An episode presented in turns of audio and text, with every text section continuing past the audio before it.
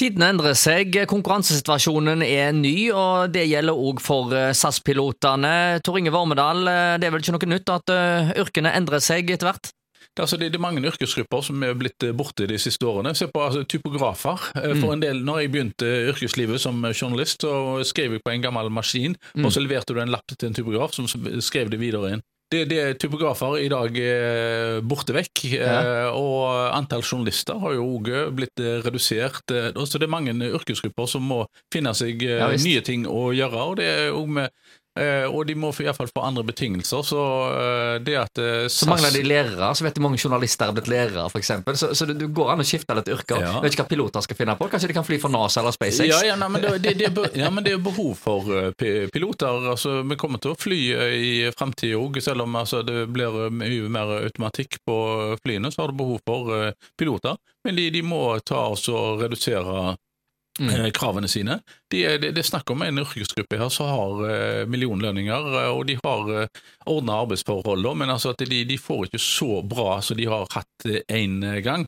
Og det må de bare ta og finne seg i. Og SAS, de, når de nå streiker nok en gang, så ødelegger de renommeet til SAS. Så det, det, er et selskap her nå som står på konkursens rand, så jeg forstår ikke helt eh, det at de nå velger å gå ut i en eh, sånn streik. altså Med den økonomiske situasjonen SAS er i, så er de vel bare pokka nødt eh, til å omstrukturere for å få lavere kostnader, eller så får de i hvert fall ikke investorer. Nei, det gjør seg ikke. Hvis at kostnadene bare fortsetter ja. å eskalere, da har de et problem? Ja, altså Før denne streiken så var, hadde, de, hadde jo SAS eh, samtaler med flere investorer, i tillegg til disse myndighetene. Altså Du har jo da Norge, og Sverige og Danmark som er ja. eiere inn på eiersida. Danmark sa ja til å komme, gå inn med noe ja, egenkapital? Ja, de ville gå inn med ganske Men mye penger. Norge, Norge ville da konvertere et lån på halvannen milliard til egenkapital, og Sverige ville vel gjøre likedan da. Men eh, de hadde òg eh, private investorer, eh, SAS, som så på selskapet da.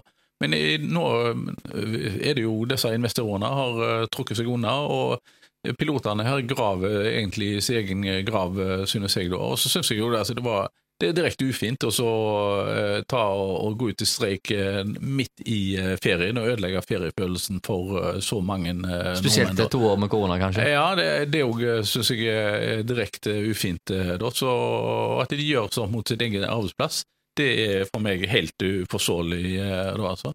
Ja, Men, akkurat nå så er det klart at etter de to årene så har nok òg SAS blitt påført enorme tap, eh, sånn som eh, Norwegian òg eh, sleit med etter koronapandemien. Og de måtte jo omstrukturere, og det òg var jo nær, nær konkurs, mm. men kom seg på beina igjen. Ja, og der har òg pilotene måtte, alle ansatte måtte være med på andre arbeidstidsordninger og andre lønnsbetingelser da, selv om, det, men det er gode lønnsbetingelser gode betingelser for alle da. Men eh, SAS-pilotene her i eh, Norge de vil ha en eh, særordning. Og Det som var også spesielt, er jo at pilotforeningen i Danmark gikk vel ut og sa at de syntes egentlig vilkårene her var greie.